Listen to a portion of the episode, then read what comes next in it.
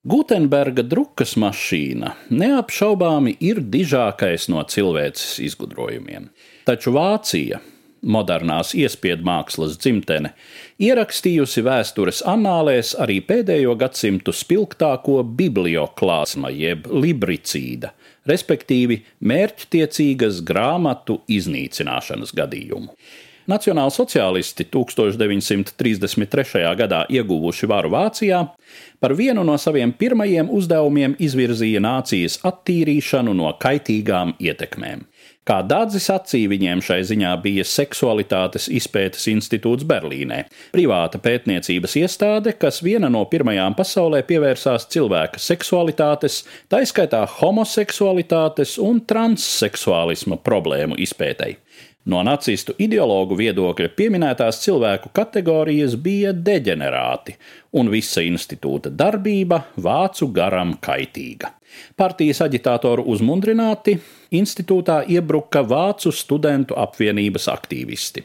1933. gada 10. maijā institūta biblioteka un arhīvs tika nogādāti plašajā operas laukumā un atdoti ugunī.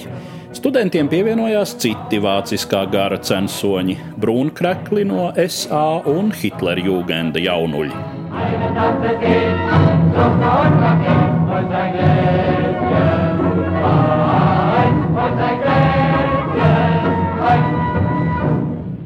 Ap pusnakti liesmojošo sārtu apgaismotajā laukumā ieradās sabiedrības apgaismības un propagandas ministrs Jozefs Gēbels. Tobrīd jau apmēram 40 tūkstošus lielais pūlis uzklausīja viņa uzrunu. Deutsche Männer und Frauen, das Zeitalter eines überspitzten jüdischen Intellektualismus ist nun zu Ende. Und der Durchbruch der deutschen Revolution hat auf dem deutschen Weg wieder die Gasse freigemacht. Ekstrēmā žīdu intelektuālisma ēra ir beigusies. Vācu revolūcijas panākumi ir atkal attīrījuši ceļu vāciskai virzībai.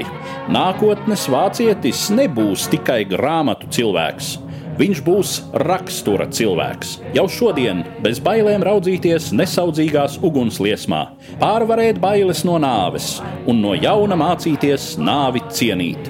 Tāds ir šīs jaunās paudzes uzdevums. Tāpēc šai pusnakts stundā jūs darāt krietnu darbu, atdodami pagātnes kaitīgo garu liesmām.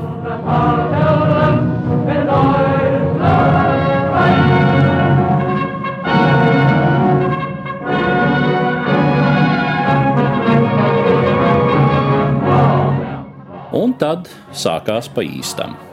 Iekuram no seksualitātes pētniecības institūta pievienojās grāmatas no līdzās esošās Humbolta Universitātes un Berlīnes publisko bibliotēku plauktiem. Pēc Berlīnes grāmatu sārti uzliesmoja Minhenē un Heidelbergā, Gettingenē un Hallē, Nirnbergā, Minsterē, Kēnigsbergā un citur. Dažviet akcijas atlika līdz vasaras saulgriežiem, lai no grāmatām kurtu īsti vāciskas jāņugunis. Svilināja īstenus komunistus, Ļeņina, Trotska un Lībknehta apcerējumus, dažādu citu pasugu kreisos un pacifistus, Brehta un von Horvāta Lūgas, Remarka, Hašeka un Feichtvangera romānus, pat Kestnera bērnu grāmatas nepaglābās arī degradējoši rietumu dekadenti - Hemingvejs un Londons, Herberts Vels un Andrēs Žits.